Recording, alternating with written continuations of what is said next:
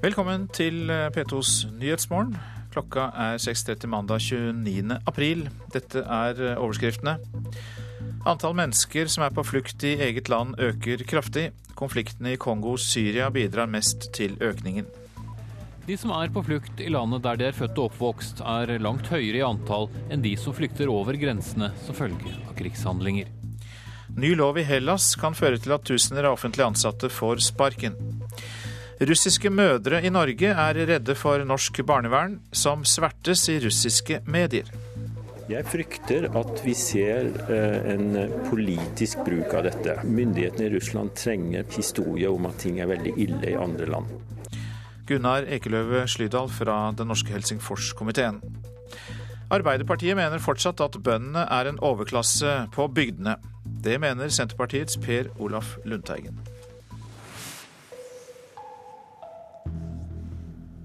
Antall mennesker som er på flukt i eget land øker kraftig. Ved årsskiftet var nærmere 29 millioner mennesker drevet på flukt, en økning på 2,5 millioner fra året før. Det er borgerkrigene i Syria og Kongo som står for nesten hele økningen, ifølge tall fra Flyktninghjelpen. På flukt, alltid på flukt. Det som en gang var en skole, er et foreløpig tilholdssted for flyktninger her i det hardt prøvde Syria, som NRK besøkte for kort tid siden.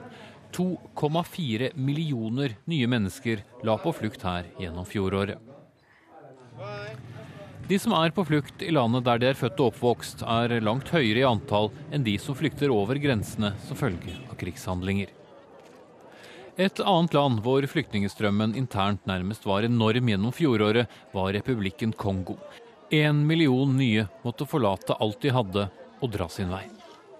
Og nettopp disse to konfliktene gjør at tallene for fjoråret totalt ligger an til å vise en dramatisk økning i det som kalles internt fordrevne. Ferske tall som Flyktninghjelpen presenterer i dag, viser at 28,8 millioner mennesker er på flukt, det er en økning på 2,4 millioner fra året før. Et år hvor det for første gang på lenge var en nedgang i antallet flyktninger. Det viste seg å bli en kortvarig glede. Utenriksmedarbeider Espen Aas og Rolf Vestvik, du er kommunikasjonssjef i Flyktninghjelpen. Ja, tallet på internt fordrevne har aldri vært så høyt. Hvordan forklarer vi det, i tillegg til dette med Kongo og Syria? Det som skjer i verden i dag, det er at eh, det vi kan kalle for de gamle konfliktene, de som har vart en stund, Colombia, Kongo, Afrikas Horn, finner ikke sin løsning. Der fortsetter folk å være fordrevet. Og så har man i tillegg nye, store konflikter som fordriver stadig flere, sånn som f.eks. Syria. Og Det er denne dobbelteffekten ved at man ikke får bilagt de gamle konfliktene, og at nye konflikter oppstår, som gjør at vi dessverre når denne øh, rekorden i år. Er alt håpløst, eller har du og dere gjort dere opp noen tanker om hva som skal til for å snu utviklingen?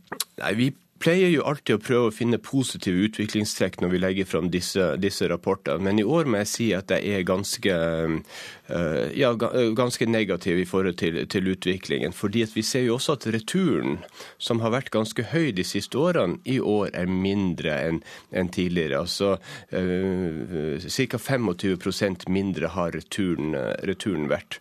Eh, og når man da har megakriser sånn som den i Syria, men også Sahel i, i Nord-Afrika, Eh, så blir man ikke veldig, eh, veldig optimistisk. Hva er den største utfordringen i Syria, som jo har kommet for fullt som et flyktningeproblem nå de siste par år? Syria er nå en humanitær katastrofe. Eh, og Grunnen til det det er at det er mer enn tre millioner mennesker på flukt inne i Syria, og de får veldig liten eh, hjelp. Eh, deres behov er stor, store. De mangler mat, de mangler medisinsk hjelp, de mangler tak over hodet. Og i tillegg så er det mange av de internt fordrevne som kommer inn i de direkte kamphandlingene og blir ja, rett og slett skada av rakettangrep, skyting og, og, og krigshandlingene som skjer.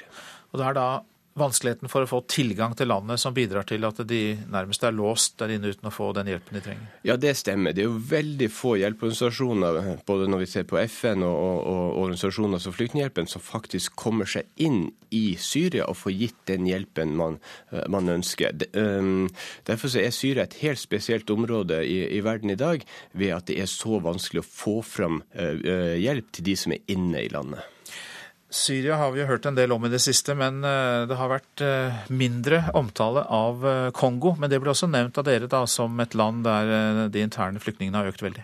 Ja, Kongo er annerledes enn Syria. For i Kongo så har vi i hvert fall tilgang til store deler av landet. Der får man fram nødhjelp. Men der er også krigen ekstremt brutal. Mer enn én million mennesker ble drevet på flukt i, eh, i 2012. Eh, så Kongo er fortsatt en stor, stor bekymring, men litt bedre som sagt enn Syria, i og med at man faktisk der får fram nødhjelp i større grad. Takk skal du ha, Rolf Vestvik, som altså er kommunikasjonssjef i Flyktninghjelpen. Og um, du var her da i anledning for, ved at det er nærmere 29 millioner mennesker som er drevet på flukt. En økning på 2,5 millioner sammenlignet med året før. Flere tusen offentlig ansatte kan få sparken i Hellas etter at nasjonalforsamlingen vedtok en ny lov i natt. Loven er en betingelse for at Hellas skal få utbetalt 8,8 milliarder euro som ledd i kriselånet fra EU og Det internasjonale pengefondet IMF. Etter hissig debatt stemte 168 av lovgiverne for reformpakken, mens 123 stemte mot, og én avsto fra å stemme. Rundt 800 eh, fagforeningsmedlemmer var på plass utenfor nasjonalforsamlingen i Aten for å protestere mot reformen i går.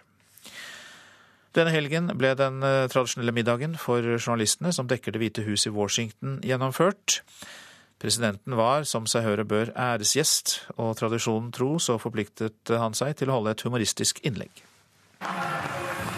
Det var ikke den tradisjonelle 'Hail to the Chief' som kom fra høyttalerne da Obama gikk på scenen.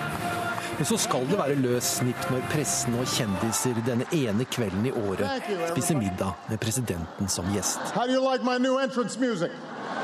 Obama har gjort dette før, og han har aldri vist noe stort komisk talent. Men han har et godt støtteapparat, og greier vanligvis å komme noen gode poenger. Actually, were a little worried about uh, the rap entrance music. They are a little more traditional. They suggested that I should start with some jokes at my own expense, just to take myself down a peg. I was like, guys, after four and a half years, og det er viktig at presidenten ikke tar seg selv så alvorlig, og det gjorde han heller ikke.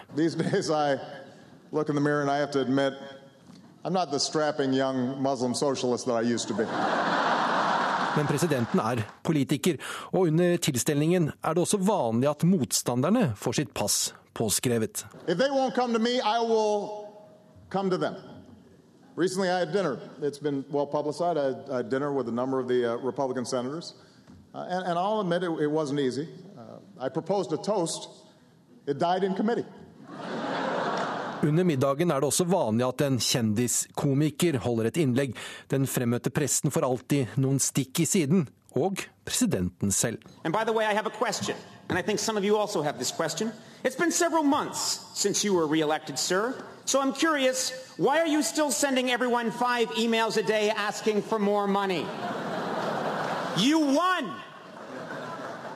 Do you have a gambling problem we don't know about? Denne gangen var det Conan O'Brien som hadde fått oppdraget, og han var ikke spesielt slem mot presidenten. I don't want to alarm you, sir, but you're starting to look like a judge on law and order. Just say you're on thin ice, counselor. You could have that part right away. Seriously, Mr. President, your hair is so white, it could be a member of your cabinet. He can handle it. Og det var Halvard Sandberg som hadde satt uh, sammen disse smakebitene fra journalistmiddagen uh, i Det hvite hus. Nå til ankesaken mot Rune Øygard. I dag skal Eidsivating lagmannsrett gå gjennom Skype-samtalene mellom tidligere ordfører Rune Øygard og den eh, unge jenta. Det slo ned som en bombe da disse samtalene ble lagt fram i tingretten. Samtalene er eh, svært private og intime. Søndag 10.1.2010 klokka 12.14 skrev Rune Øygard dette til den da 15 år gamle jenta. Sitter naken, jeg. 14 minutter senere spør Øygard om jenta er Blaut. Og samme ettermiddag sier Øygard dette til jenta. Vil gifte meg med deg, jeg nå.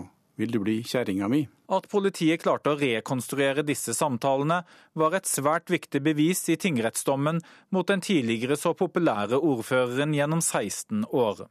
Ifølge lederen for NRKs krimredaksjon, Olav Rønneberg, vil disse meldingene mellom Øygard og jenta gjøre et sterkt inntrykk også på juryen i lagmannsretten, som i dag får dem presentert for første gang. Dette er jo meldinger med en sterk seksuell undertone. Selv om Øygard mener det ikke er slik, så kom tingretten til at det var det. Og det kan veldig fort være at juryen kommer til samme konklusjon. Hvordan bør Øygard forklare seg om disse meldingene?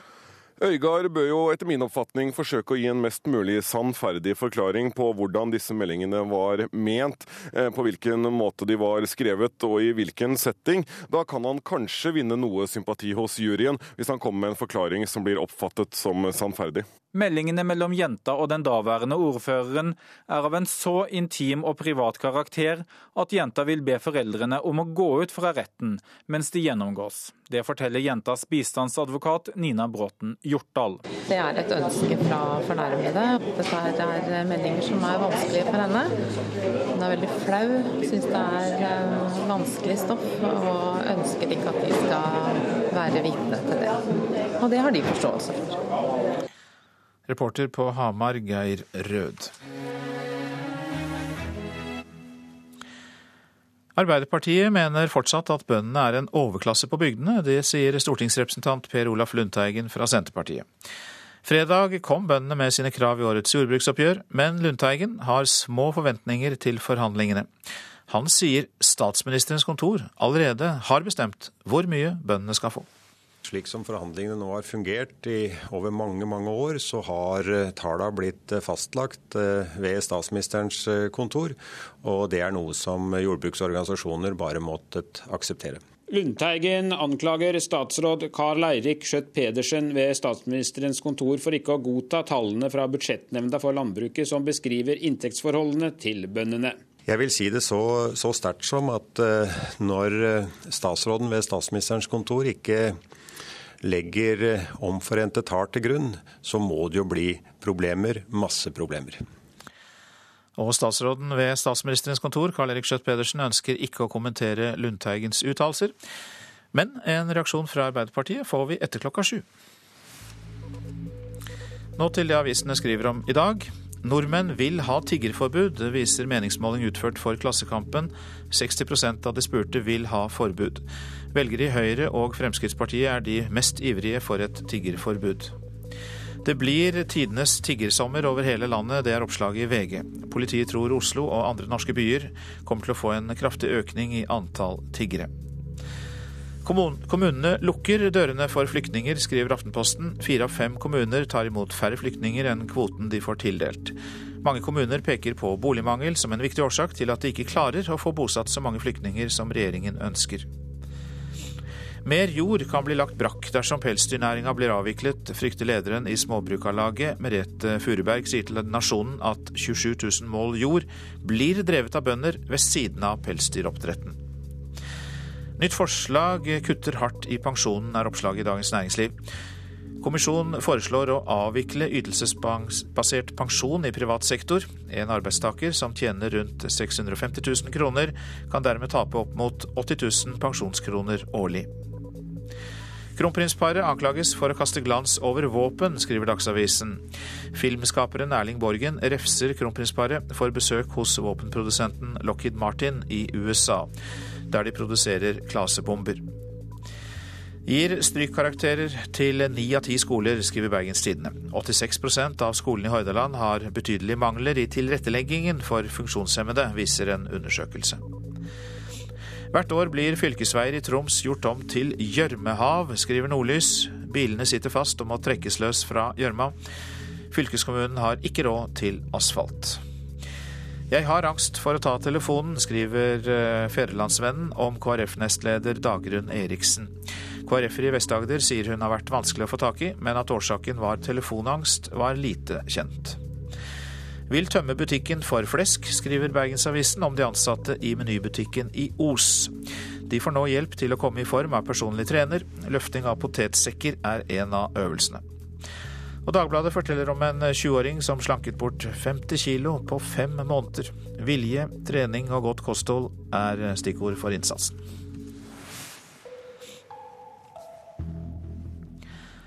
Det er eh, urovekkende for norsk fotball at Molde og Rosenborg er eh, ustabile. Det sier NRKs fotballekspert Carl Petter Løken. I går gikk de to lagene igjen på svinetapp i Eliteserien. Nå må vi eh, se, se oss selv i speilet. Det, så, sånn er det. Vi, vi fortjener det vi, vi, har fått. Fiaskostarten holder fram for Daniel Berg Hestad og Molde etter 2-1-tap for Strømsgodset på heimebane. På samme tid møter Rosenborg kraftig motbør. I går ble de for svake for Sandnes Ulf på Lerkendal. Nå har vi eh, hatt en periode der vi har spilt godt og eh, fått eh, mye skryt. Og så får vi tåle å få mye kjeft for den kampen her. for Eh, det fortjener vi. Rosenborg har eh, fått sett andre strake tap. I Molde er det sportslig krise på gang. Kun ett poeng etter seks kamper. De to antatt beste lagene i Eliteserien er ikke i toppen der de var spådd før sesongen.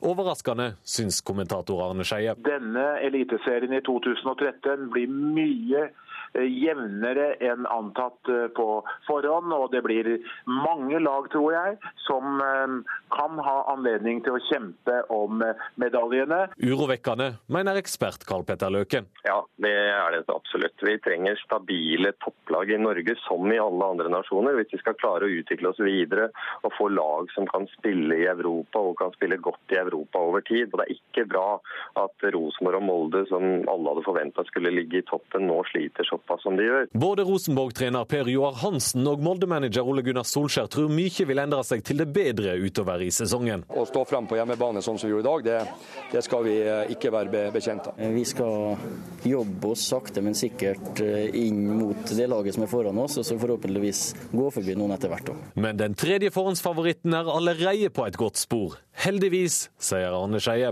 I øyeblikket så er jo Strømsgodset favoritten til å vinne årets eliteserie. Sjøl vil Strømsgodset-trener Ronny Deila vente til ut i mai før han kan svare på om klubben er årets lokomotiv, som leverer stabilt under press på toppen av tabellen. Da vil vi kanskje se litt konturer av hva som, hva som kommer til å vente. Og den som samlet inn alle disse kommentarene, det var Hans Henrik Løken. Susann Pettersen gikk en god fjerde- og sisterunde i LPGA-turneringen North Texas Shootout i går, og spilte seg opp til tredjeplass, fem slag under par. Kun spanske Carlotta Siganda og sørkoreanske Inbe Park slo til slutt den norske golferen, som da endte på en tredjeplass. Klokka den går mot 6.48. Vi har disse hovedsakene i Nyhetsmorgen.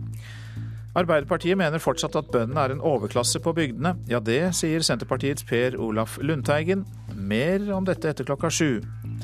Antall mennesker som er på flukt i eget land øker kraftig. Konfliktene i Kongo og Syria bidrar mest til økningen. Ny lov i Hellas kan føre til at tusener offentlig ansatte får sparken.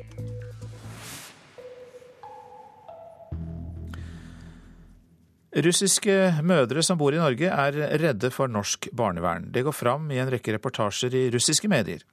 Det foregår en negativ omtale i russiske medier av norsk barnevern med stor makt, sier assisterende generalsekretær i den norske Helsingforskomiteen, Gunnar M. Ekeløve Slydal. Og vi starter med et eksempel fra russisk TV. Jeg prøvde å slik høres det ut når en russisk mor et sted i Norge klager sin nød etter møte med norsk barnevern. Hun er fratatt barnet hun har med en norsk mann. Innslaget på TV121 Murmansk er et av flere der russiske medier angriper norsk praksis i barnevernssaker.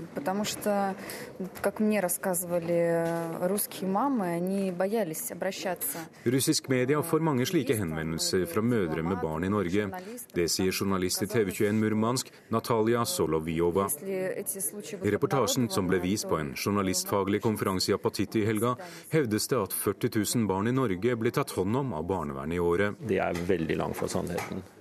Hvis det hadde vært sannheten, så hadde det ikke vært barn igjen i familiene i Norge. Det sier visegeneralsekretær i den norske Helsingforskomiteen, Gunnar M. Ekeløve Slydal. Han deltok for å forklare hvordan norsk barnevern fungerer. Det er ikke bra at det sprer seg feilaktige forestillinger om hvordan ting fungerer i Norge. Jeg frykter at vi ser eh, en politisk bruk av dette. Myndighetene i Russland trenger historie om at ting er veldig ille i andre land. Eh, så det er en fare. Vi har nå veldig veldig opphetet situasjon angående adopsjon til utlandet. I forhold til USA er det nå blitt forbudt. For all del unngå at det blir politikk ut av dette. Dette handler om barns beste.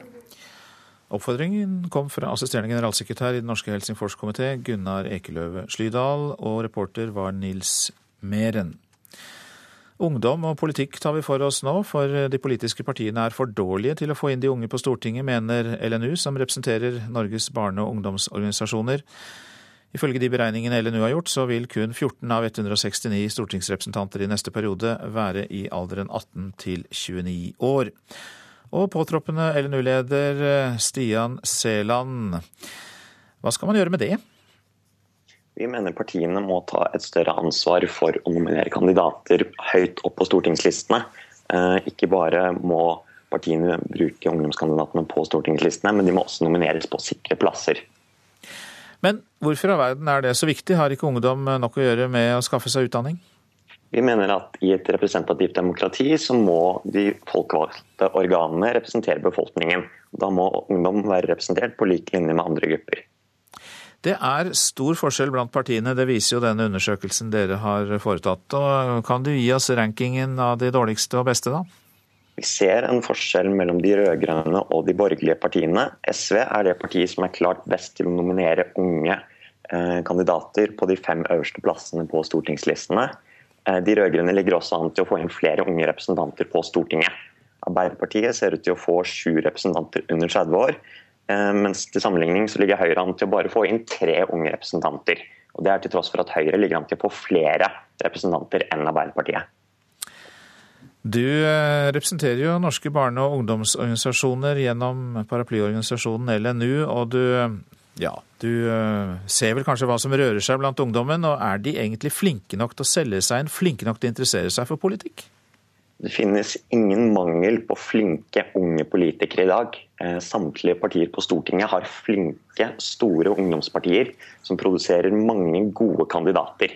Så det skorter ikke på eh, gode kandidater, men vilje i partiene til å nominere ungdommen høyt nok på stortingslistene. Men eh, hvem av politikerne på Stortinget bør vike for å slippe til de unge, syns du? Det er ikke godt å si, men vi ser at Altså, det er jo ønskelig at, eh, at, Stortinget skal speile befolkningen. og Da er det viktig å få de unge kandidatene opp på stortingslistene. Mange mener at også pensjonistgrupper er dårlig representert? Det kan du si. Altså, vi er jo opptatt alle grupper som ikke er representert godt nok, eh, kommer inn. Eh, det er jo et moment å tenke på at ungdom skal leve med de avgjørelsene som blir tatt i dag. Takk skal du ha, påtroppende leder for LNU, Stian Seland. I dag starter rettssaken mot Michael Jacksons konsertarrangør, AEG. Moren til popstjernen anklager arrangøren for å ha medvirket til sønnens død. AEG sto bak Michael Jacksons planlagte konsertserie This Is It, som ble avlyst da popstjernen døde som følge av en overdose anestesimedisin. This is it, and see you in July. Det skulle bli superstjernen Michael Jacksons siste verdensturné. Slik gikk det ikke. Jackson døde av en overdose anestesimedisin under oppkjøringen til turneen, og legen Conrad Murray ble dømt for uaktsomt drap. Nå anklager Jacksons mor Catherine konsertarrangøren AEG for å medvirke til drapet på sønnen. Og i dag starter rettssaken. Hun sier til CNN at Murray ikke skulle brukt anestesimedisin. Hva tror you think, as his mother, caused his death? I don't know. All I know is they used propofol, and they shouldn't have used it, and they used it in the wrong setting. That's all I know, and that's what causes death. AEG sto bak Michael Jacksons planlagte konsertserie This Is It i London, som ble avlyst da Jackson døde. Familien mener det var AEG som leide inn legen som kanskje tok livet av Michael Jackson. Murray selv vil ikke vitne i saken, fordi han mener det vil ødelegge hans egen ankesak. Marvin Putman, AEGs advokat, sier til CNN at konsertarrangøren ikke har hatt noe med legen å gjøre. There never was a contract In fact, what, the, what it says, if you look at the drafts explicitly, is that he was chosen by Michael Jackson. He'd be there at Michael Jackson's behest. He'd be Michael Jackson's doctor alone. That this was only being done because Michael Jackson asked for it. Michael Jackson was the only person who could get rid of him at will.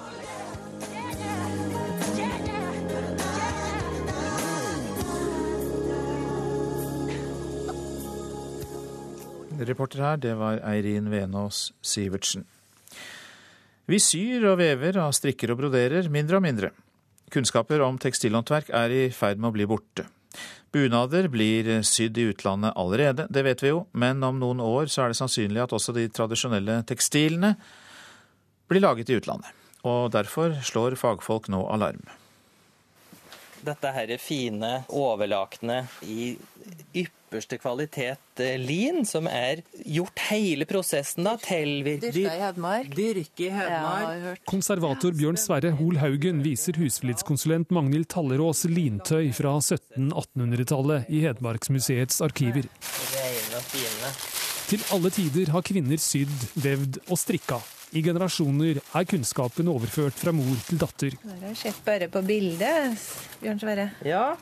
Nå er den i ferd med å dø ut, sier Hol Haugen, som tar doktorgrad på tekstiler fra 1700-tallet. Den allmennkunnskapen med at uh, hver kvinne behersker et bredt spekter av håndverksteknikker, den er i ferd med å bli borte. Følgende kan bl.a. bli at om noen år vil norske bunader ikke bare bli sydd i utlandet, men tekstilene vil også komme derfra, sier kulturhistoriker Sjur Harby. Altså Det som er bekymringen i dag, er at uh, tekoindustrien i Norge er jo uh, snart ikke-eksisterende. Og Det betyr at norske bunader, i den grad vi uh, om noen år skal kunne kalle det norsk, både sy, altså broderes og sys utenlands, og at stoffene også formodentlig også veves utenlands. Og Da sitter vi igjen med et kostymeball 17. mai, og ikke en reell tradisjon som, som vi har hatt til nå. Hva gjør du når det sys utenlands og det kommer fra Kina? Ja, det gjør veldig mye. Fordi norsk tekstiltradisjon går tilbake til førkristen tid. Det er denne arven som nå er i ferd med å forsvinne for oss, hvis vi ikke tar grep. Det er en økende interesse stadig for å bruke bunad.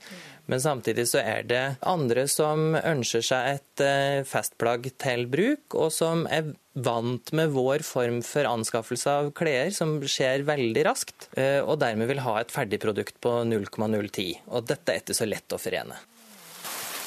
Nå lager Norges Husflidslag rødliste over trua håndverksteknikker. Husflidskonsulenten i Hedmark, Magnhild Tallerås, er bekymra over utviklinga. At vi blir sittende igjen uten, uten norsk produksjon i det hele tatt. At vi ikke har kunnskaper. For å ta vare på kulturarven samler Breidablikk Nasjonalt forum for kulturarv i samarbeid med Norges Husflidslag nå fagfolk til seminar i Løten i juni. Tekstilimporten ødelegger eh, forståelsen av hvilket arbeid og hvilken kunnskap som ligger bak dette her. Og det er jo for å fokusere på de verdiene som tross alt ligger i skuffer og skap rundt omkring, at vi lager dette seminaret akkurat i år. Bjørn Sverre Hoel Haugen, konservator ved Hedmarksmuseet. Reporter Stein S. Eide. Så til eh, værvarselet fram til midnatt. Fjell i Sør-Norge. Kuling utsatte steder. Fra i ettermiddag vesentlig sør for Finse. Det blir snøbyger og flest i vest. Østafjells, der blir det stiv kuling på kysten. Regn, snø i høyden. Seinere på dagen skiftende skydekke. Og det blir enkelte regnbyger seinere på dagen, og snøbyger i høyden. Så går vi til Vestlandet sør for Stad. Sørlig liten kuling. Periodevis stiv kuling på kysten nord for Slåtterøy. I kveld regn og haglbyger, snøbyger i høyden, og det kan bli utrygt for torden. Møre og Romsdal og Trøndelag enkelte regn- eller haglbyger, snøbyger i høyden, og der utrygt for torden også. Nordland, Troms og, vest, og Troms vest for Lyngsalpene. Skiftende skydekke, litt regn i grensestrøkene. Fra i ettermiddag regnbyger i Helgeland. Troms øst for Lyngsalpene og Vest-Finnmark med vidda. Sørlig periodevis stiv kuling i høyfjellet. Skyet, litt regn. Øst-Finnmark perioder med stiv kuling, etter hvert litt regn. Nordensjøland på Spitsbergen for det meste skyet vær og spredt snø. Temperaturer som ble målt klokka fem i natt. Svalbard lufthavn minus seks, Kirkenes minus fem, Vardø minus én. Alta null grader. Tromsø-Langnes pluss én, Bodø pluss fem, Brønnøysund og Trondheim-Værnes pluss seks. Molde pluss tre, Bergen-Flesland pluss fire. Stavanger og Kristiansand-Kjevik pluss fem. Så var det Gardermoen pluss én grad, Lillehammer pluss tre, Røros null grader og Oslo-Blindern hadde pluss tre grader da klokka var fem, altså.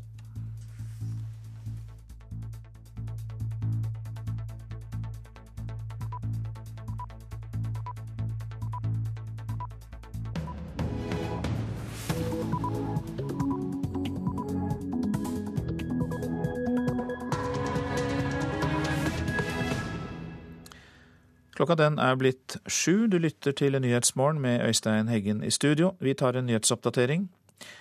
En ny etterforskning av Scandinavian Star-brannen må samles under én ledelse, og ikke deles mellom tre land som tidligere. Det mener Arbeiderpartiets justispolitiske talsmann Jan Bøhler. Det er jo eh, behov for å her ha en eh, samordnet kunnskap hvis man skal etterforske ordentlig. Arbeiderpartiet må slutte å se på bøndene som en overklasse. Det sier Senterpartiets Per Olaf Lundteigen, som har lave forventninger til årets jordbruksforhandlinger.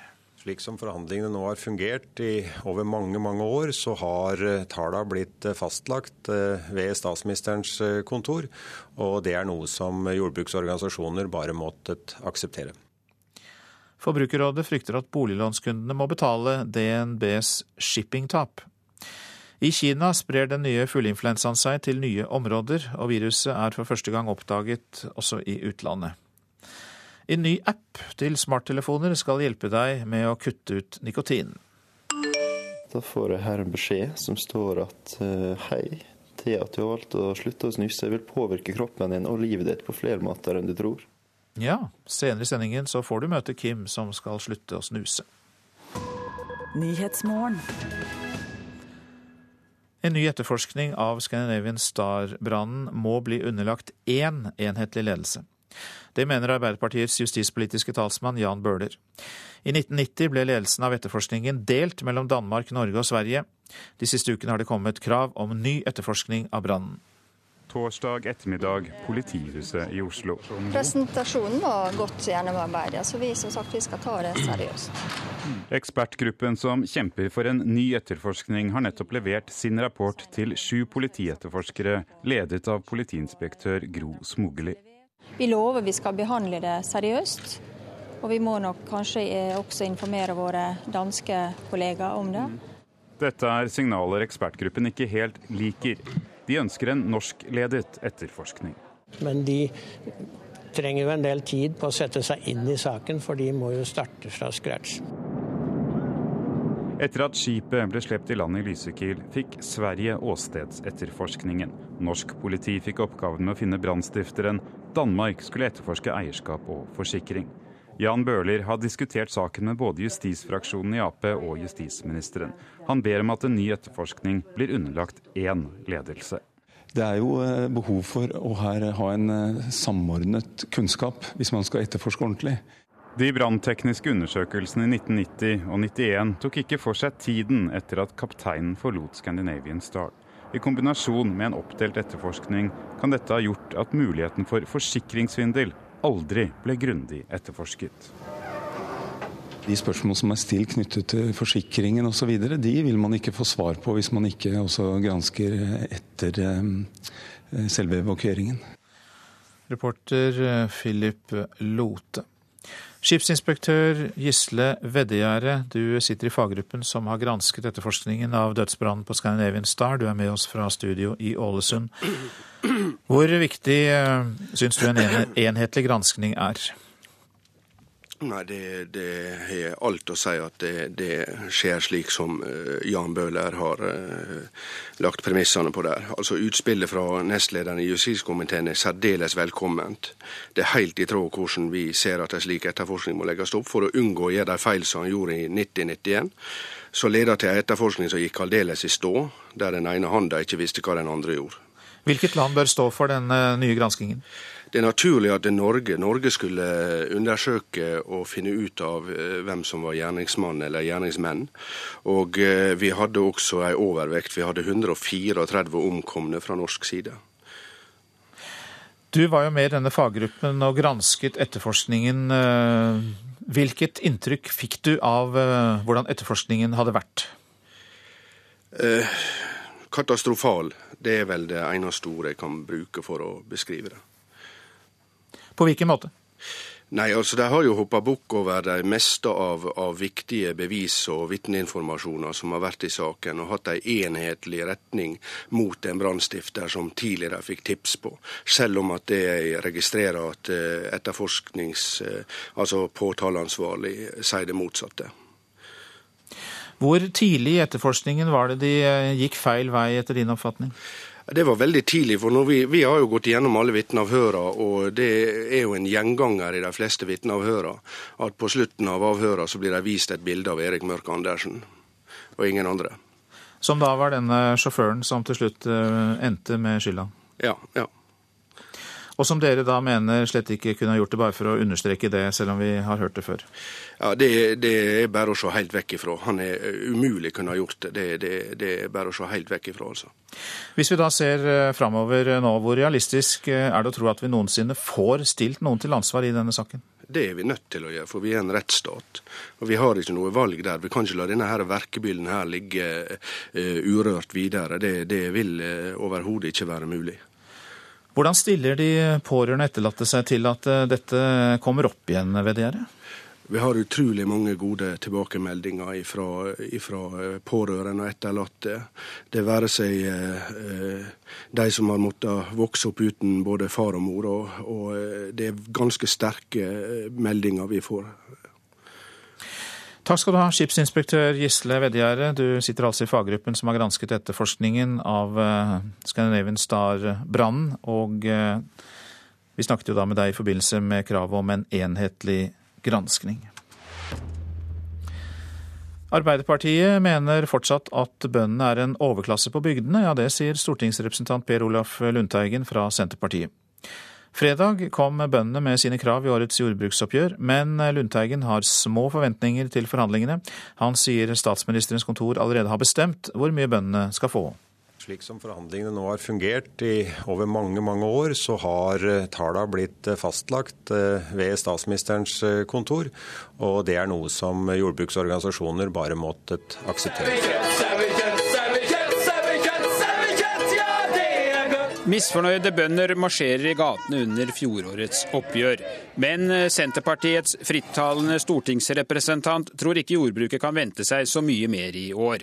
Han anklager statsråd Karl Eirik Skjøtt-Pedersen ved statsministerens kontor for ikke å godta tallene fra budsjettnemnda for landbruket, som beskriver hvordan inntektsutviklingen til bøndene har vært. Jeg vil si det så, så sterkt som at uh, når eh, statsråden ved statsministerens kontor ikke legger eh, omforente tall til grunn, så må det jo bli problemer, masse problemer. Lundteigen mener at deler av Arbeiderpartiet fortsatt er preget av de gamle klassemotsetningene i Bygde-Norge. Det er en, eh, dessverre en tradisjon i deler av ledelsen i Arbeiderpartiet at en eh, ser på de som bor på gård som en overklasse. Som mennesker som har stor rikdom, og som ikke trenger bedre vilkår for sin jordbruksdrift. Og det er veldig trist å erfare når vi har en rød-grønn regjering. For vi veit jo det at eh, blant folk flest i Arbeiderpartiet så kjenner han så mange gårdbrukere at han veit hvor mye arbeid som ligger til grunn, og en ser at ungdommen ikke tar over pga. liten respekt fra storsamfunnets politiske ledelse. Jordbruksoppgjøret er en av de vanskeligste sakene for regjeringen denne våren, og ikke minst for Lundteigens eget parti. Ja, Det blir en svært krevende og vanskelig sak for Senterpartiet. Vi har eh, mange troverdige medlemmer som eh, arbeider med jord og dyr rundt omkring i landet. Eh, som eh, sjølsagt har tilliten til vårt parti, for vi er jo det mest solide i dette spørsmålet. Men vi har altså så vanskelige forhold eh, å forhandle med at en ikke når dit som en burde nå. Statsråd Skjøtt Pedersen sier at han ikke ønsker å kommentere Lundteigens uttalelser. Det sa reporter Per Arne Bjerke. Men fra studio i Porsgrunn så har vi med oss deg, Terje Lien Aasland. Du er leder i næringskomiteen på Stortinget fra Arbeiderpartiet. Og eh, ja, er det slutt på by og land hand i hand? Nei, det er det på ingen måte. Jeg syns det her er et sånt uh, utspill i kjent Lundeteigen-stil, hvor han uh, ønsker å tiltrekke seg mest mulig oppmerksomhet på, på feilaktig grunnlag. Det er ingen tvil om at Arbeiderpartiets tradisjon og Arbeiderpartiets historie viser veldig klart at vi er et parti for eh, både by og land. Eh, og Det viser også regjeringas faktiske håndtering av jordbruksoppgjøret fra 2006 og fram til i dag, hvor det har vært eh, tatt ut om lag 8,5 milliard kroner i jordbruksoppgjøret. Så Det viser jo at en understøtter og verdsetter den skal vi si, det arbeidet og den innsatsen, og ikke minst respektere forståelsen for å ha en jordbruksavtale. Jo, men det litt, høres litt bekymringsfullt ut når Lundteigen sier at det virker som at statsministerens kontor, der har de tenkt på et tall, og det er det tallet det blir det ender med. Det er det som er litt synd når, når Lundteigen framstiller det sånn. Det er jo selvfølgelig sånn at det er en eh, samla regjering som står bak det som er inngangen til, til jordbruksoppgjøret.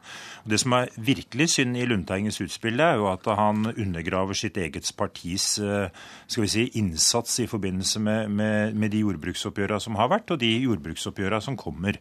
Det syns jeg er synd, eh, fordi at resultatene fra 2006, hvor vi var det, det året vi først var ansvarlig for jordbruksoppgjøret, jordbruksoppgjøret vitner om en, en eh, utvikling som, som, er god.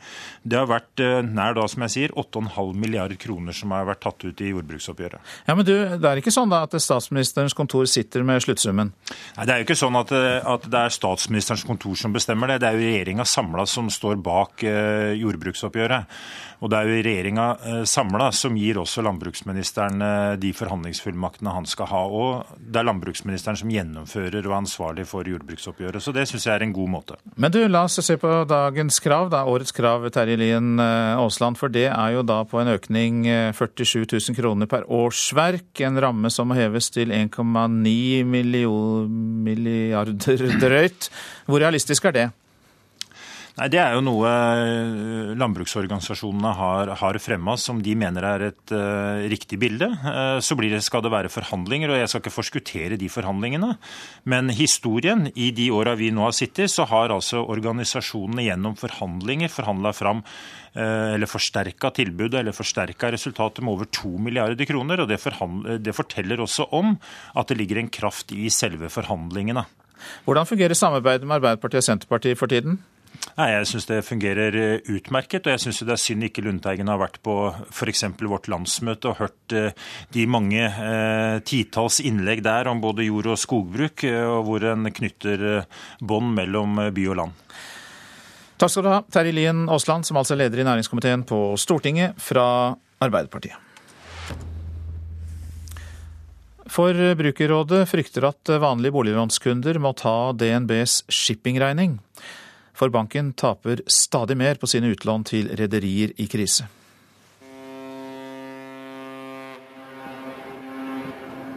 Skipshornet uler, men mange tank-, bulk- og konteinerrederier sliter tungt.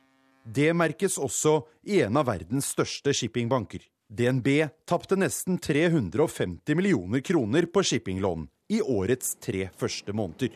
Enkelte segmenter innenfor shipping er eh, i en tøff situasjon. Sier DNB-sjef Rune Bjerke. Og Forbrukerrådet er bekymret for bankens shippingtap. Vi må gjerne holde på med shipping, men det er jo når ting går dårlig, hvor er det eh, regninga kommer, og når ting går bra, eh, hvor er det da gevinsten blir. Vi er opptatt av at i hvert fall når ting går dårlig, at ikke det skal forventes at forbrukere betaler for det. At de skal plukke opp regninga for shippingaktivitet som ikke de har noe med å gjøre. Fagdirektør Jorge Jensen mener DNBs boliglånsrenter allerede er for høye. Han minner om at folk flest gir banken milliardinntekter. Hvis du ser på regnskapene til bankene, så har de helt marginale tap på boliglån. Det er ikke noe risiko der. Eh, og Det er derfor også vi mener at eh, forbrukere som har boliglån, ikke skal være den som plukker opp eh, alle regninger som lander i fanget på en bank. Men Rune Bjerke avviser kategorisk at shippingtapene vil gi høyere boliglånsrenter. Det å drive bank det skal jo innebære at man også tar noen tap. Og for hele banken så er tapene veldig lave. De er faktisk litt under det som er normalt, og da har de vært i hele 2012 også. Og selv om shippingtapene har økt med 78% siden samme kvartal i fjor, ser DNB nå lysere på framtida. Nå begynner vi å se noen lysglimt både her og der, så vi tror at eh, dette kvartalet så skraper vi bunnen når det gjelder tap. Uansett, nå håper Forbrukerrådet at det blir mer vanntette skott mellom ulike avdelinger i norske banker. Vi mener jo at det skal være en grense mellom eh, tap fra diverse selskap i finanskonsernet, at det kan smitte over, og særlig til forbrukere. Og Dette er en tanke som også har spredt seg ellers i Europa. Det er en het debatt i England, og det er en het debatt i Tyskland på akkurat disse tingene. Reporter Sindre Heierdal. Klokka går med raske skritt mot eh, kvart over sju. Dette er hovedsaker i Nyhetsmorgen. Det er avgjørende for en ny etterforskning av Scandinavian Star-brannen at den ledes fra Norge, mener skipsekspert.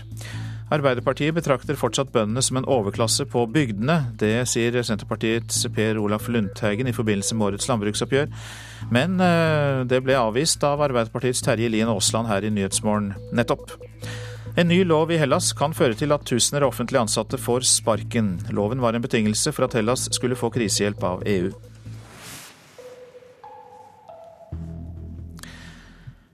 I Kina sprer den nye fugleinfluensaen seg til nye områder. Viruset er nå oppdaget for første gang i utlandet.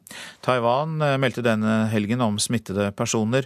Fortsatt eh, greier ikke forskerne å finne fram til hvor viruset kommer fra. Asia-korrespondent, du er med oss. Eh, selv om et fåtall mennesker er smittet, så er dette blitt en viktig sak i kinesiske medier. Hvorfor det?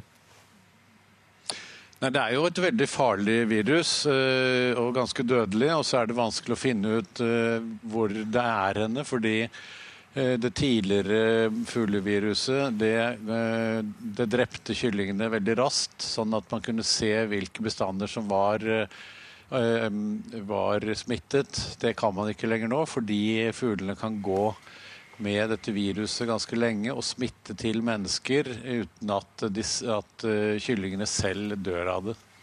Hva gjør kinesiske myndigheter da for å få bukt med dette her?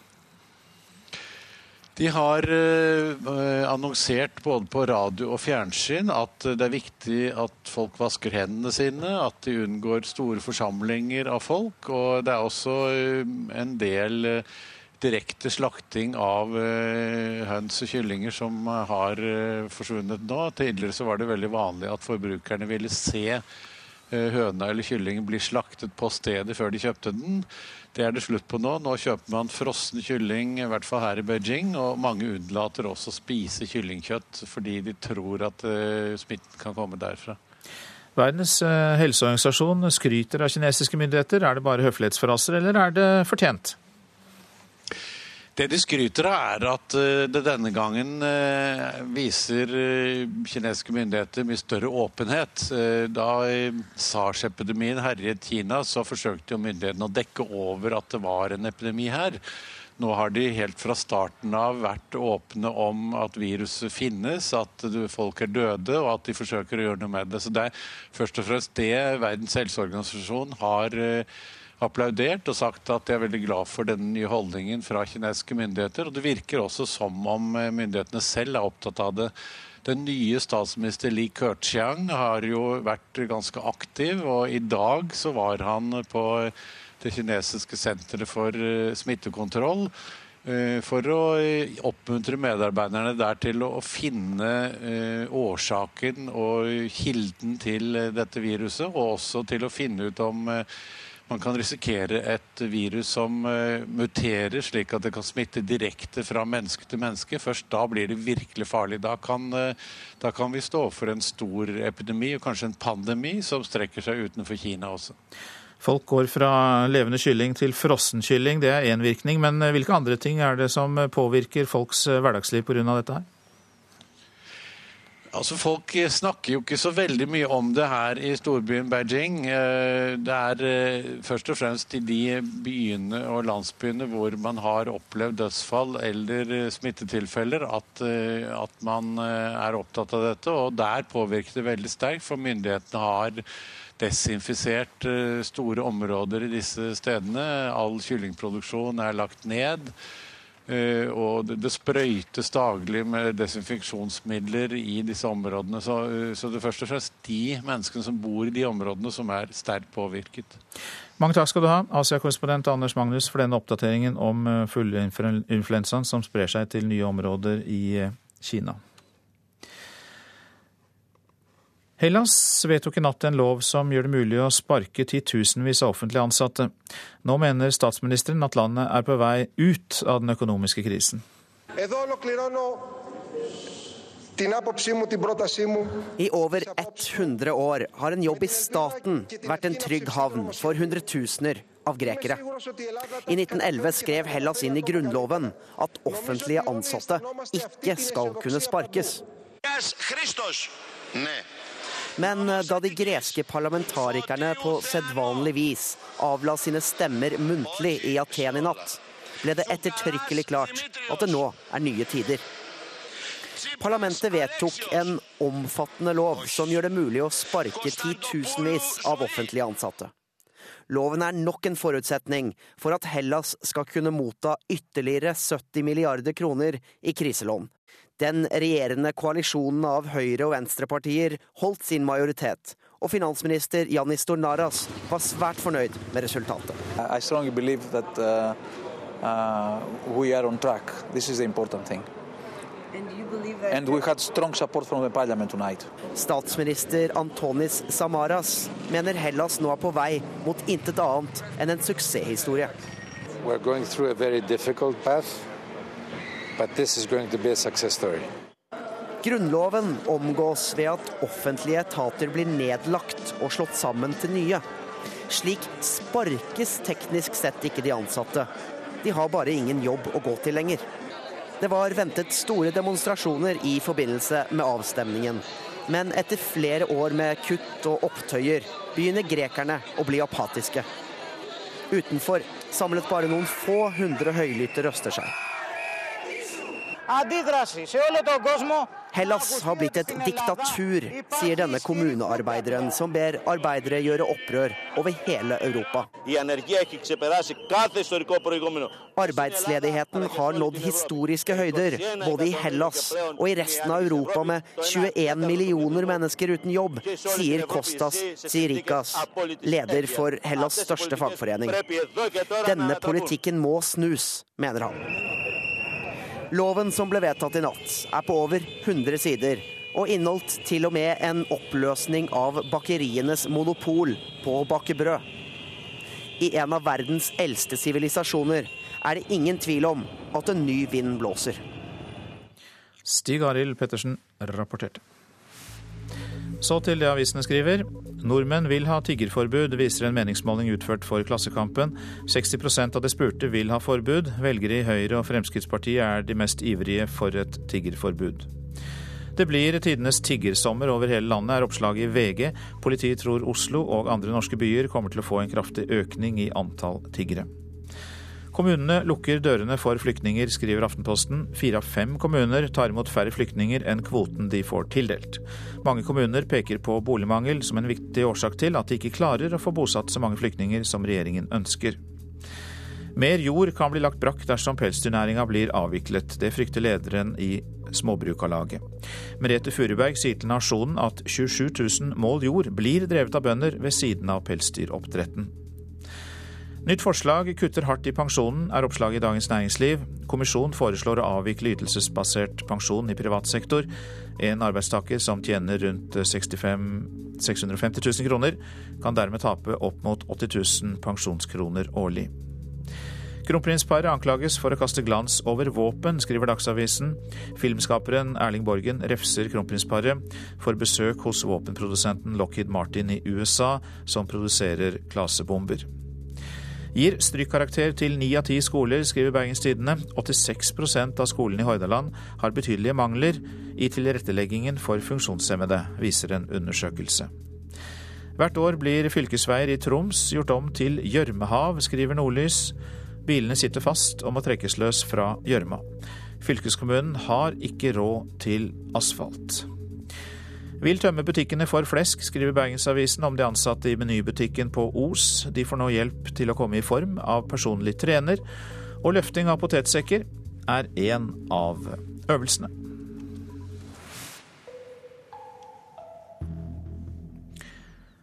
De aldrende Sea King-helikoptrene sliter i norsk vintervær. Det var flere problemer med helikoptrene ved Banak i Finnmark i vinter, fordi de mangler fullt avisingsutstyr.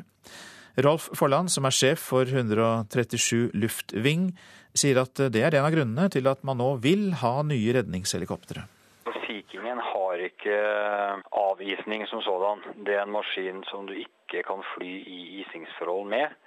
Og Det er en av, kanskje en av hovedårsakene, i tillegg til at maskinen er gammel, til at man nå ønsker å erstatte Sea Kingen med et nytt helikopter. 25.10 i fjor måtte piloten sette et av 330-skvadronens Sea King-helikoptre på bakken i Kokelv i Vest-Finnmark midt under et søk- og redningsoppdrag. Årsaken var ulyder i motoren som skyldtes ising. Dette var det første, men ikke siste hendelsen med Sea King-helikoptrene på Banak denne vinteren. I 330-skvadronens kommentar til granskingsrapporten av denne første hendelsen går det fram at det lille som finnes av utstyr om bord som skal hindre ising på vitale deler, heller ikke fungerer optimalt. Blant annet står det at tidligere hendelser med røykutvikling gjør at mannskapet ikke ønsker å bruke systemet unødvendig mye.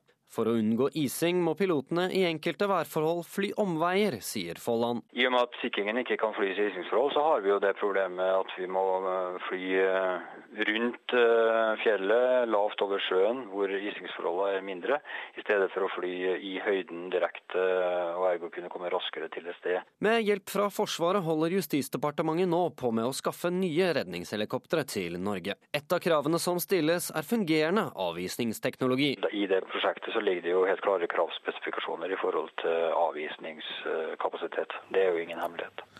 Reporter Kaspar Fuglesang. Ifølge målinger snuser vi mer enn noensinne, og det gjelder spesielt de unge. Nå skal en ny app til smarttelefoner hjelpe folk med å kutte ut de dårlige vanene, enten det gjelder snus eller røyk. Da får jeg her en beskjed som står at uh, hei, det at du har valgt å slutte å snuse vil påvirke kroppen din og livet ditt på flere måter enn du tror. 22 år gamle Kim Goksør Strande har bestemt seg. Han har snus siden han var 15 år, men nå vil han slutte for godt. Han er lei av å være avhengig. Når jeg tenker over det, så er det absolutt ingenting som taler for at uh, jeg skal fortsette. Det, det, gir meg absolutt ingenting. Uh, det koster veldig mye penger. Skadelig for helsa. Jeg har ingen glede av å bruke det lenger. Det er bare å ta seg litt sammen og kjøre på. Kim er ikke alene om å være avhengig. Nye målinger viser at av unge mellom 16 til 24 år snuser hele 25% av guttene og 14% av jentene. Nå har Helsedirektoratet kommet med en ny app som skal hjelpe med snus og røykeslutt, og den har på kort tid fått over 50 000 nedlastninger. Det er en app som inneholder motivasjonsmeldinger som hjelper på veien. Råd og tips om hvordan man kan klare å slutte. Eh, og hvor mye man sparer på å være tobakksfri. Astrid Nylender fra Helsedirektoratet har vært med på utviklingen av appen. Og hun tror det kan fungere med en sluttehjelp som er integrert i mobiltelefonen. Smarttelefoner er jo noe nesten alle uh, unge har i lomma. Å kunne ha med seg en slutteveileder og en hjelp og en motivasjon som alltid er der, det er noe som vi har stor tro på. Kim sitter i en stol på jobb og har den siste snusen under leppen. Nå skal han ta i bruk appen, og snusen skal i søppelet. Men det er litt som å si adjø til en gammel venn. Da tar vi den ut og kaster den på seg. Fikk veldig merkelig følelse nå. Men eh, tar opp appen med en gang i hvert fall. Hvis jeg får abstinens nå, stryker jeg på hjelp. Og da står det ikke bryt regelen du har satt om å slutte. Lov deg selv å ikke ta en eneste røyk eller snus. Om Kim klarer å legge fra seg snusen for godt, gjenstår å se. For er det virkelig så enkelt at noen tastetrykk på mobilen er det som skal til for å slutte? Altså Jobben må man gjøre sjøl. Det, det, er hver enkelt som må gjøre det. Men vi ønsker å være en støtte på veien og gi en hjelpende hånd til de som syns at eh, det er en eh, tøff endring. Dette vil vi fortelle litt om i meldingen du mottar på din mobil i tre uker fremover. Lykke til. Selv om denne appen har hatt mange nedlastninger, så finnes det foreløpig ikke noen tall på hvor mange som faktisk har sluttet med snus eller røyk pga. den. Så får vi se, da. Reporter var Sara Finne.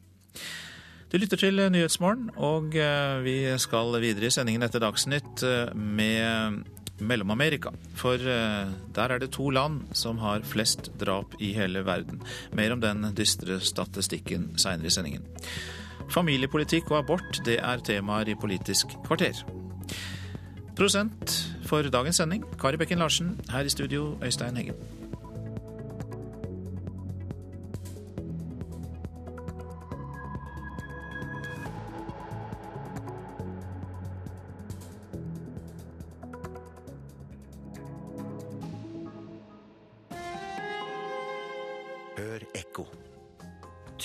Tusenvis av vietnamesiske båtflyktninger ble plukket opp av norske skip på 70- og 80-tallet, og fant friheten i Norge.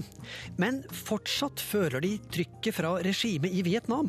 Å kritisere ledelsen i Hanoi gjør du nemlig ikke ustraffet. Ekko 9 11 i NRK P2.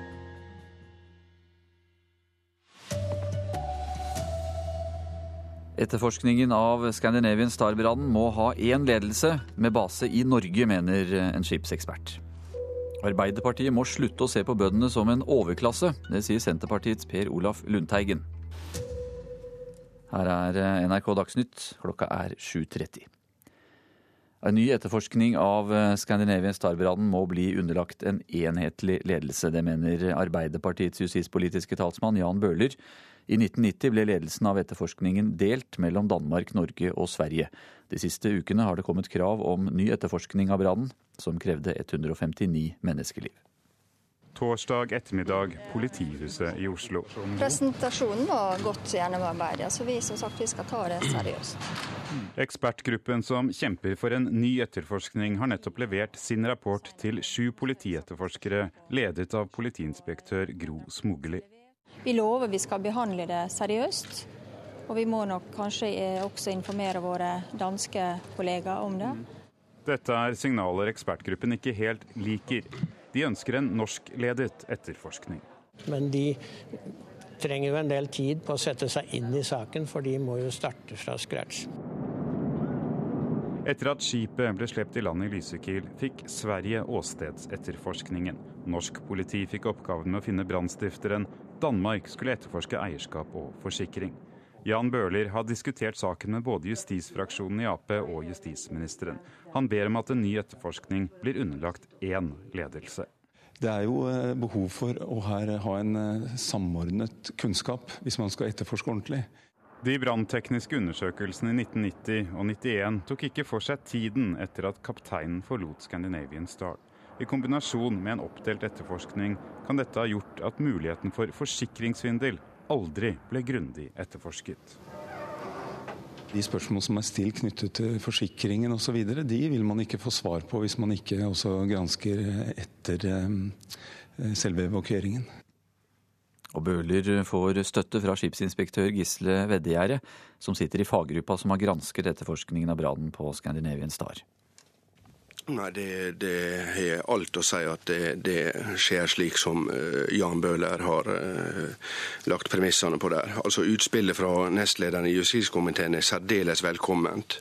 Det er helt i tråd hvordan vi ser at en slik etterforskning må legges opp, for å unngå å gjøre de feil som han gjorde i 1991. Så leder til en etterforskning som gikk aldeles i stå, der den ene handa ikke visste hva den andre gjorde. Hvilket land bør stå for den nye granskingen? Det er naturlig at Norge, Norge skulle undersøke og finne ut av hvem som var gjerningsmann eller gjerningsmenn. Og vi hadde også en overvekt. Vi hadde 134 omkomne fra norsk side. Skipsinspektør Gisle Vedgjær ble intervjuet av Øystein Heggen. Du hørte også reporter Philip Lote. Arbeiderpartiet mener fortsatt at bøndene er en overklasse på bygdene. Ja, Det sier stortingsrepresentant Per Olaf Lundteigen fra Senterpartiet. Fredag kom bøndene med sine krav i årets jordbruksoppgjør, men Lundteigen har små forventninger til forhandlingene. Han sier statsministerens kontor allerede har bestemt hvor mye bøndene skal få. Slik som forhandlingene nå har fungert i over mange mange år, så har tallene blitt fastlagt ved statsministerens kontor. Og det er noe som jordbruksorganisasjoner bare måttet akseptere. Misfornøyde bønder marsjerer i gatene under fjorårets oppgjør. Men Senterpartiets frittalende stortingsrepresentant tror ikke jordbruket kan vente seg så mye mer i år. Han anklager statsråd Karl Eirik Schjøtt-Pedersen ved statsministerens kontor for ikke å godta tallene fra budsjettnemnda for landbruket, som beskriver hvordan inntektsutviklingen til bøndene har vært. Jeg vil si det så, så sterkt som at når statsråden ved statsministerens kontor ikke legger omforente tall til grunn, så må det jo bli problemer. Masse problemer. Lundteigen mener at deler av Arbeiderpartiet fortsatt er preget av de gamle klassemotsetningene i Bygde-Norge. Det er en, eh, dessverre en tradisjon i deler av ledelsen i Arbeiderpartiet at en eh, ser på de som bor på gård som en overklasse.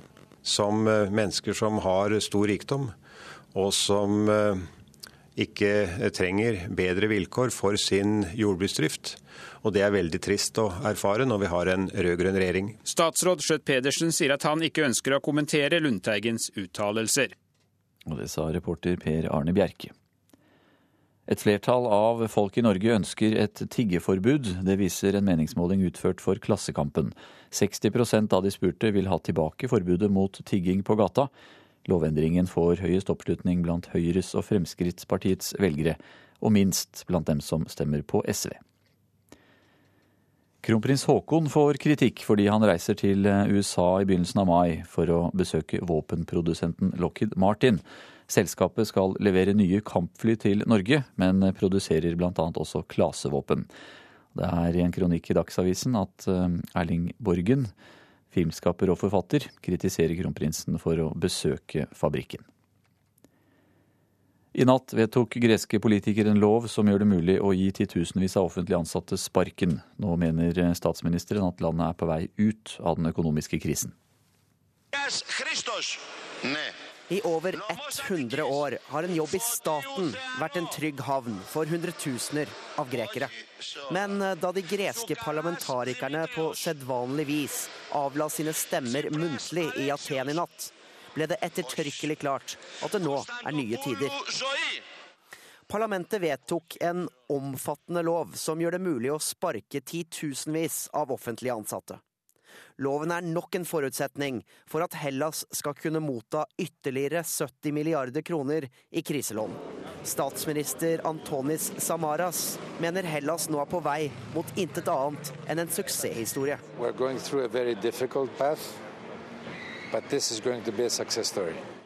Det var ventet store demonstrasjoner i forbindelse med avstemningen. Men etter flere år med kutt og opptøyer begynner grekerne å bli apatiske. Utenfor samlet bare noen få hundre høylytte røster seg. Hellas har blitt et diktatur, sier denne kommunearbeideren, som ber arbeidere gjøre opprør over hele Europa. Loven som ble vedtatt i natt, er på over 100 sider, og inneholdt til og med en oppløsning av bakerienes monopol på å bake brød. I en av verdens eldste sivilisasjoner er det ingen tvil om at en ny vind blåser Jeg rapporterte Stig Arild Pettersen. I dag starter rettssaken mot eh, Michael Jacksons konsertarrangør AEG. Moren til popstjernen anklager arrangøren for å ha medvirket til sønnens død. AEG sto bak Michael Jacksons planlagte konsertserie This Is It. This is it, and see you in July. Det skulle bli superstjernen Michael Jacksons siste verdensturné. Slik gikk det ikke. Jackson døde av en overdose anestesimedisin under oppkjøringen til turneen, og legen Conrad Murray ble dømt for uaktsomt drap. Nå anklager Jacksons mor Catherine konsertarrangøren AEG for å medvirke til drapet på sønnen. Og i dag starter rettssaken. AEG sto bak Michael Jacksons planlagte konsertserie This Is It i London, som ble avlyst da Jackson døde. Familien mener det var AEG som leide inn legen som kanskje tok livet av Michael Jackson. Murray selv vil ikke vitne i saken, fordi han mener det vil ødelegge hans egen ankesak. Reporter Eirin Venås Sivertsen. Det er urovekkende for norsk fotball at storlagene Molde og Rosenborg er ustabile. Ja, det sier NRKs fotballekspert Carl Petter Løken. Så må vi eh, se, se oss i speilet. Det, sånn er det. Vi, vi fortjener det vi, vi, har fått. Fiaskostarten holder fram for Daniel Berg Hestad og Molde etter 2-1-tap for Strømsgodset på heimebane. I Molde er det sportslig krise på gang. Kun ett poeng etter seks kamper. På samme tid møter Rosenborg kraftig motbør. I går ble de for svake for Sandnes Ulf på Lerkendal. Rosenborg har fått sitt andre strake tap. De to antatt beste lagene i Eliteserien er ikke i toppen der de var spådd før sesongen. Overraskende, syns kommentator Arne Skeie. Denne eliteserien i 2013 blir mye jevnere enn antatt på forhånd. Og det blir mange lag, tror jeg, som kan ha anledning til å kjempe om medaljene. Urovekkende, mener ekspert Karl Petter Løken. Ja, det er det absolutt. Vi trenger stabile topplag i Norge, som i alle andre nasjoner, hvis vi skal klare å utvikle oss videre og få lag som kan spille i Europa. Fotballekspert Karl Petter Løkken ble intervjuet av Hans Henrik Løken. Ansvarlig for Dagsnytt denne morgenen, det er Elin Pettersen. Per Ivar Nordahl har det tekniske ansvaret. Jeg heter Anders Borgen Werring. P2s Nyhetsmorgen lytter du til. To land i Mellom-Amerika, El Salvador og Honduras, topper i dag en dyster statistikk. De har flest drap per innbygger blant alle land i verden. Det er narkotikatrafikken til USA og kriminelle ungdomsgjenger som har skylden.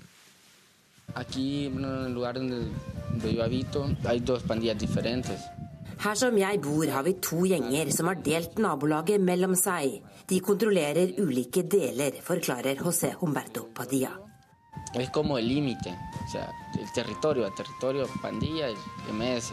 Den unge gutten snakker i en video laget av hjelpeorganisasjonen Caritas i El Salvador. Der forsøker den katolske organisasjonen å stanse rekrutteringen til voldelige ungdomsgjenger, som er den viktigste årsaken til den ekstreme drapsstatistikken i landet. De to små landene El Salvador og Honduras har flere drap per innbygger enn noen andre land i verden. Og det er en klar årsak til at det blir verre, forklarer programkoordinator i Caritas Norge, Siri Blaser, som nettopp har vært i de to landene. Veldig mye av narkotrafikken foregår jo fra land i Sør-Amerika, ikke sant. Altså fra Colombia, fra Peru, Bolivia. Og så går det jo da eh, nordover gjennom eh, Mellom-Amerika som transportåre. Så det man ser er er jo at eh, disse kartellene i større grad nå rekrutterer ungdom eh, til sin virksomhet. Og så ser man også at eh, skillelinjene mellom disse kriminelle ungdomsgjengene, som ofte har rivalisert seg imellom i land som El Salvador, Guatemala og Honduras, de viskes mer ut, og at de også profesjonaliseres, og at de også linkes mer opp til både narkotikasalg og, og, og trafikk, og utfører spesielle oppdrag for narkokartellene. Det flyter også av våpen, forklarer Blaser. Det er et stort problem at det allerede sirkulerer masse våpen i hele Mellom-Amerika. I Honduras snakker man om 800 000, det er 1,2 millioner våpen som allerede er sirkulerer. Og problemet er dårlige reguleringer, og at vanlige folk kan få tilgang på altså militære skytevåpen. Så det er avanserte våpen.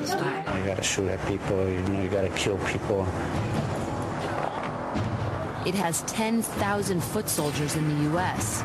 Mara Salvatrucha heter den mest beryktede av gjengene i El Salvador. Dette er lyd fra en dokumentarfilm National Geographic laget om denne for noen år siden. Mange salvadorianere har emigrert til USA, og gjengen ble startet av slike ungdommer i Los Angeles. I dag har den spredt sine voldelige tentakler tilbake til El Salvador, og den er også aktiv i mer enn 30 delstater i USA, ifølge politiet. I El Salvador har ungdom få muligheter til utdanning og jobb. Mange tjener penger på utpressing og vold i stedet, forklarer Siri Blaser. Det de sier er jo ok, vi har ingen muligheter. Ok, Da driver vi kanskje med utpressing, da, ikke sant? Så de driver med utpressing. Og det er ikke bare av eh, store bedrifter, men det kan være små bedrifter på hjørnet, ikke sant? Kiosken på hjørnet. Caritas Norge jobber med voldsforebyggende arbeid i de livsfarlige nabolagene i f.eks. San Salvador. Vi har stort fokus på å bygge eh, fredskultur. Og så jobber vi spesielt også for å gi ungdommer aktivitetstilbud, fritidstilbud. For mange i de voldsherjede landene er et liv i det rike USA i nord den store drømmen. Mange risikerer livet for å komme seg dit. Det er jo tusenvis av mellomamerikanere som hvert år reiser, eh, forsøker å ta seg over til, til, USA.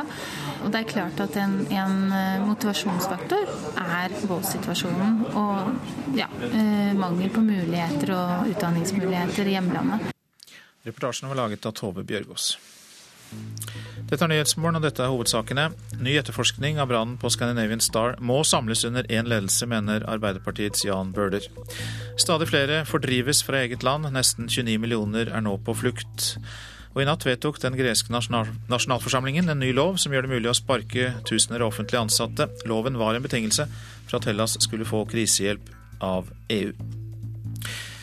Politisk kvarter tar med seg de mest brukte frasene fra KrFs landsmøte, Sigrid Solund. Familie, menneskeverd og kampen mot sorteringssamfunnet. Men hva fører politikken bak honnørordene til? 50-tallsløsninger og stigmatisering, ifølge Arbeiderpartiet og Frp.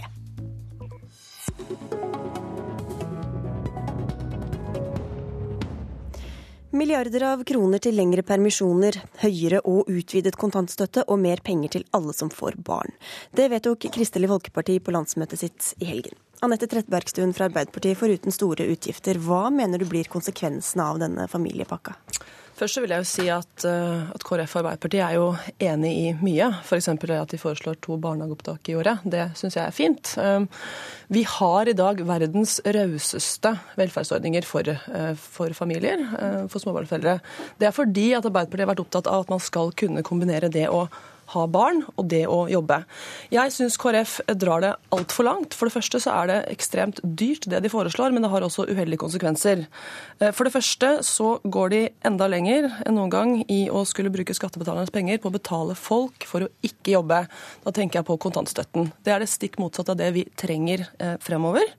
Når de også kommer med en lengre foreldrepermisjonsordning, der de vil utvide til 68 uker, men samtidig ta bort en del av pappakvoten, så er det også det stikk motsatte av det vi trenger fremover. Så løsningene som KrF her foreslår, vil føre til mindre integrering, mindre likestilling, færre rettigheter for far. Det er dyrt, og det er dårlige løsninger for Norge fremover. Dagrun Eriksen, nestleder i Kristelig Folkeparti. Alle sier at vi må eh, jobbe mer. Hvorfor lager dere da en politikk som stimulerer flere til å være hjemme? Dette er jo en ganske langsiktig samfunnsøkonomisk investering. fordi at det vi vet er at vi trenger flere folk i landet vårt eh, for å løse de utfordringene vi ser framover innenfor eldreomsorgen og andre ting. Så vi er faktisk avhengig av at familier orker å få barn. Men Mener du at løsningen i dag er sånn at familier ikke orker å få barn? Det er i hvert fall viktig at man har løsninger som tilfredsstiller flere typer familier enn en enhetlig familie. Og det vi ser er at det er de ordningene vi har i dag, de eh, legger ikke til rette for et mangfold. Det er sånn at familier har forskjellige behov, ønsker forskjellige løsninger. For å ta fleksipermen som vi går inn for med den utvidede foreldrepermisjonsordningen, så er jo det Den tar tak i noen ting. Det ene er å utvide foreldrepermisjonen. Det andre er at den blir eh, utvida til å kunne disse, disse ekstra ukene, at man kan ta de til man er ti år. Eh, sånn at man får litt større fleksibilitet i hverdagen. Og det kanskje det siste viktige poenget er jo at vi nå stopper den tvangsdelingen som eh, Arbeiderpartiet og den rød-grønne regjeringen har ønska på foreldrepermisjonen. Vi beholder en pappakvote, for det tror vi er viktig som et virkemiddel. Men vi mener at man har gått altfor langt i å skulle ønske å tredele en, en, permisjon. Så det er den valgfrie delen som nå blir større, sånn at familien får en større måte å, å investere på. Og så når, det, når man snakker om dyrt, det har jeg hørt hele helga på et forsøk på å si at vi kaster penger etter noen som egentlig ikke trenger det. Ja, Fra deres egne kom jo den Både eh, KrFU har prøvd å se på det, men det har når både reportere og nå hører også Arbeiderpartiet. Det er ganske viktig for meg å si at altså, denne regjeringen har hatt 400 milliarder mer til fordeling. Vår foreldrereformpakke vil koste 8 milliarder kroner. Og hvis man ser en vekst sånn som man har sett nå, så er det en investering til familiene som vi mener er verdt det, og som er en del av velferdssamfunnets investeringer for framtida. Og da Nette Trettebergstuen, gjør det mulig for folk å få barn før de er blitt 40 år og har fått en stabil økonomi, f.eks.? Ja, sånn er det jo sånn at Vi får barn før vi er 40 i dag også. Vi får barn som aldri før. og det er, Noe av årsaken til det er at vi har uh, verdens rauseste ordninger. Jeg mener at det er helt feil uh, å skulle bruke 8 milliarder kroner bl.a. på å betale damer for å ikke jobbe, som kontantstøtten gjør. De åtte milliardene ville jeg heller brukt på en bedre eldreomsorg, eh, bedre SFO, skolemat, den type ting. Dette er et prioriteringsspørsmål. KrF er jo helt ærlig på det. Man ønsker å prioritere at folk skal være hjemme. Vi mener at vi skal prioritere andre løsninger. Vi trenger at disse nå, kvinnene nå jobber. Kontantstøtten er en ekstremt dårlig løsning. Nei, men pakken deres gjør det. Kontantstøtte koster ikke 8 milliarder kroner. Kontantstøtte er et, et virkemiddel som anerkjenner én type familier som velger noen annerledes løsninger. Men som ikke simulerer flere til å gå ut i arbeid. Det må du være enig i? Nei, men det, spørsmålet er er det mennesker som hadde gått ut i arbeid allikevel. Det man så når kontantstøtta ble, ble, innført, var at faktisk var det det største sosialt utjevnende eh, vedtaket som var gjort på lenge. Fordi at veldig mange fattige barnefamilier, hvor man hadde gjort dette valget i utgangspunktet, ble hjemme, og så fikk man faktisk noe økonomi. Vil... Og den delen der, den tror jeg er kjempeviktig, men det er bare én bit. Og mm. derfor så syns jeg at når Arbeiderpartiet prøver å framstille det som at KrF bare mener at nå skal vi være hjemme, nei, men vi respekterer at familier velger forskjellig.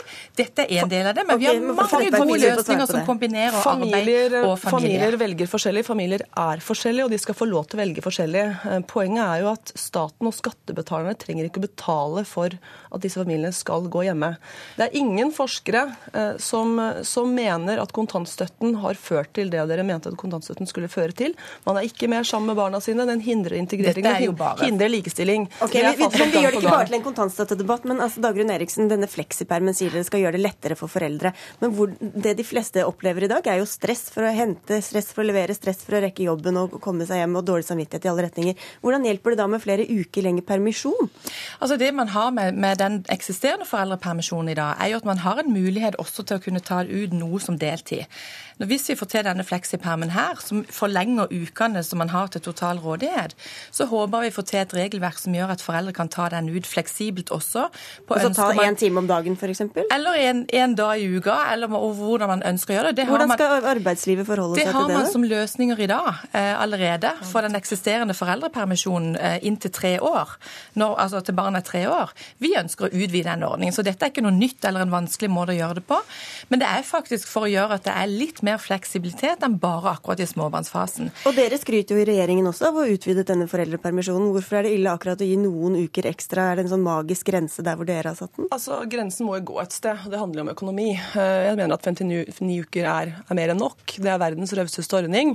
Eh, jeg mener jo at det, er, eh, at det er feil av KrF når de først velger å utvide den. og å gå tilbake på dagens pappakvote, gi fedrene kun ti uker. Det KrF da i realiteten gjør, er at de gir mer mammaperm. For vi vet at når fedrene ikke får sin kvote og sin rett, så får de også tatt ut mindre perm.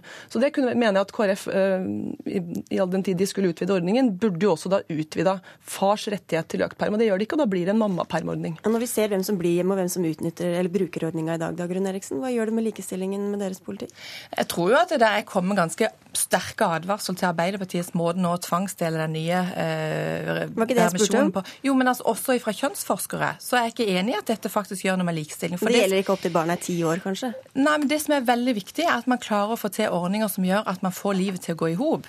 Og det som er bekymringen på foreldrepermisjonsordningen i dag, og det er ikke noe bombe at KrF ønsker å gå tilbake til ti uker, det har vi sagt hele tida. Vi mener det er nok, og det resten bør være valgfritt.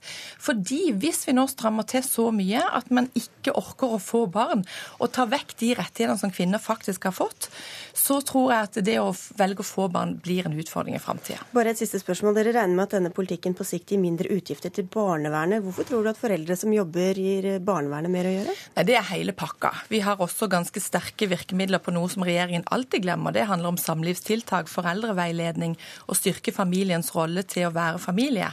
Eh, så det er det, som handler om at ikke vi får eh, store utgifter til barnevernet, hvis vi klarer å ruste familiene forebyggende.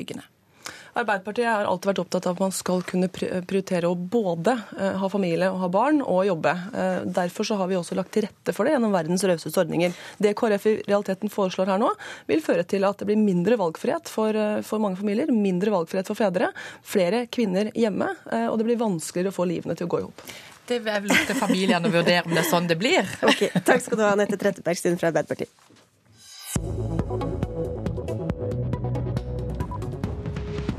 Så til en annen kjernesak for KrF, det de kaller kampen mot sorteringssamfunnet. Partiet ønsker at ingen skal ta abort, en nullvisjon, og bare tillate det ved voldtekt eller ved fare for mors liv. De vil ha grunnlovsfestet rett til liv, en absolutt øvre abortgrense på 18 uker, og ikke tilby tidlig ultralyd, der man bl.a. kan oppdage mistanke om Downs syndrom hos fosteret. Dagrun Eriksen, du har nettopp snakket varmt om at foreldrene er de beste til å bestemme over sitt eget liv. Hvorfor gjelder ikke det når kvinnen er gravid? Altså det som er med KrFs grunnleggende syn på dette, er at eh, for oss er det vanskelig å se at dette bare handler om foreldres kropp og liv.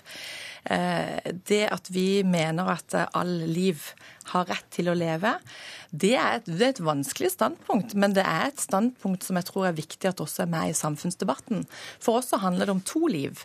Og vi prøver nå å finne ordninger som på den ene sida kombinerer prinsippet vårt om retten til liv, men samtidig også ønsker vi et fellesskap med de politiske partiene som har sagt at vi ønsker å få aborttallene ned. Og da henvender du deg til sidekvinnen din, kanskje. Kari Kjønaas Kjos fra Frp. Hvilke signaler mener du KrF sender til, gjennom denne politikken? Nei, jeg jeg syns det er veldig leit, fordi man reverserer en ekstremt viktig rettighet eh, kvinnen har eh, i forhold til, eh, til, abortspørsmålet. Og når man snakker om at man skal rettighetsfeste eller grunnlovsfeste retten til liv, men samtidig skal akseptere abort ved noen kriterier, eh, så, så jo, henger jo ikke dette sammen. Altså Enten er man for, eller så er man, er man, imot. Men så har jeg lyst til å si at det er ingen som ønsker disse høye aborttallene. Og den viktigste grunnen til det er at vi vet at kvinner som eh, gjennomfører en abort, sier at det har vært veldig krevende.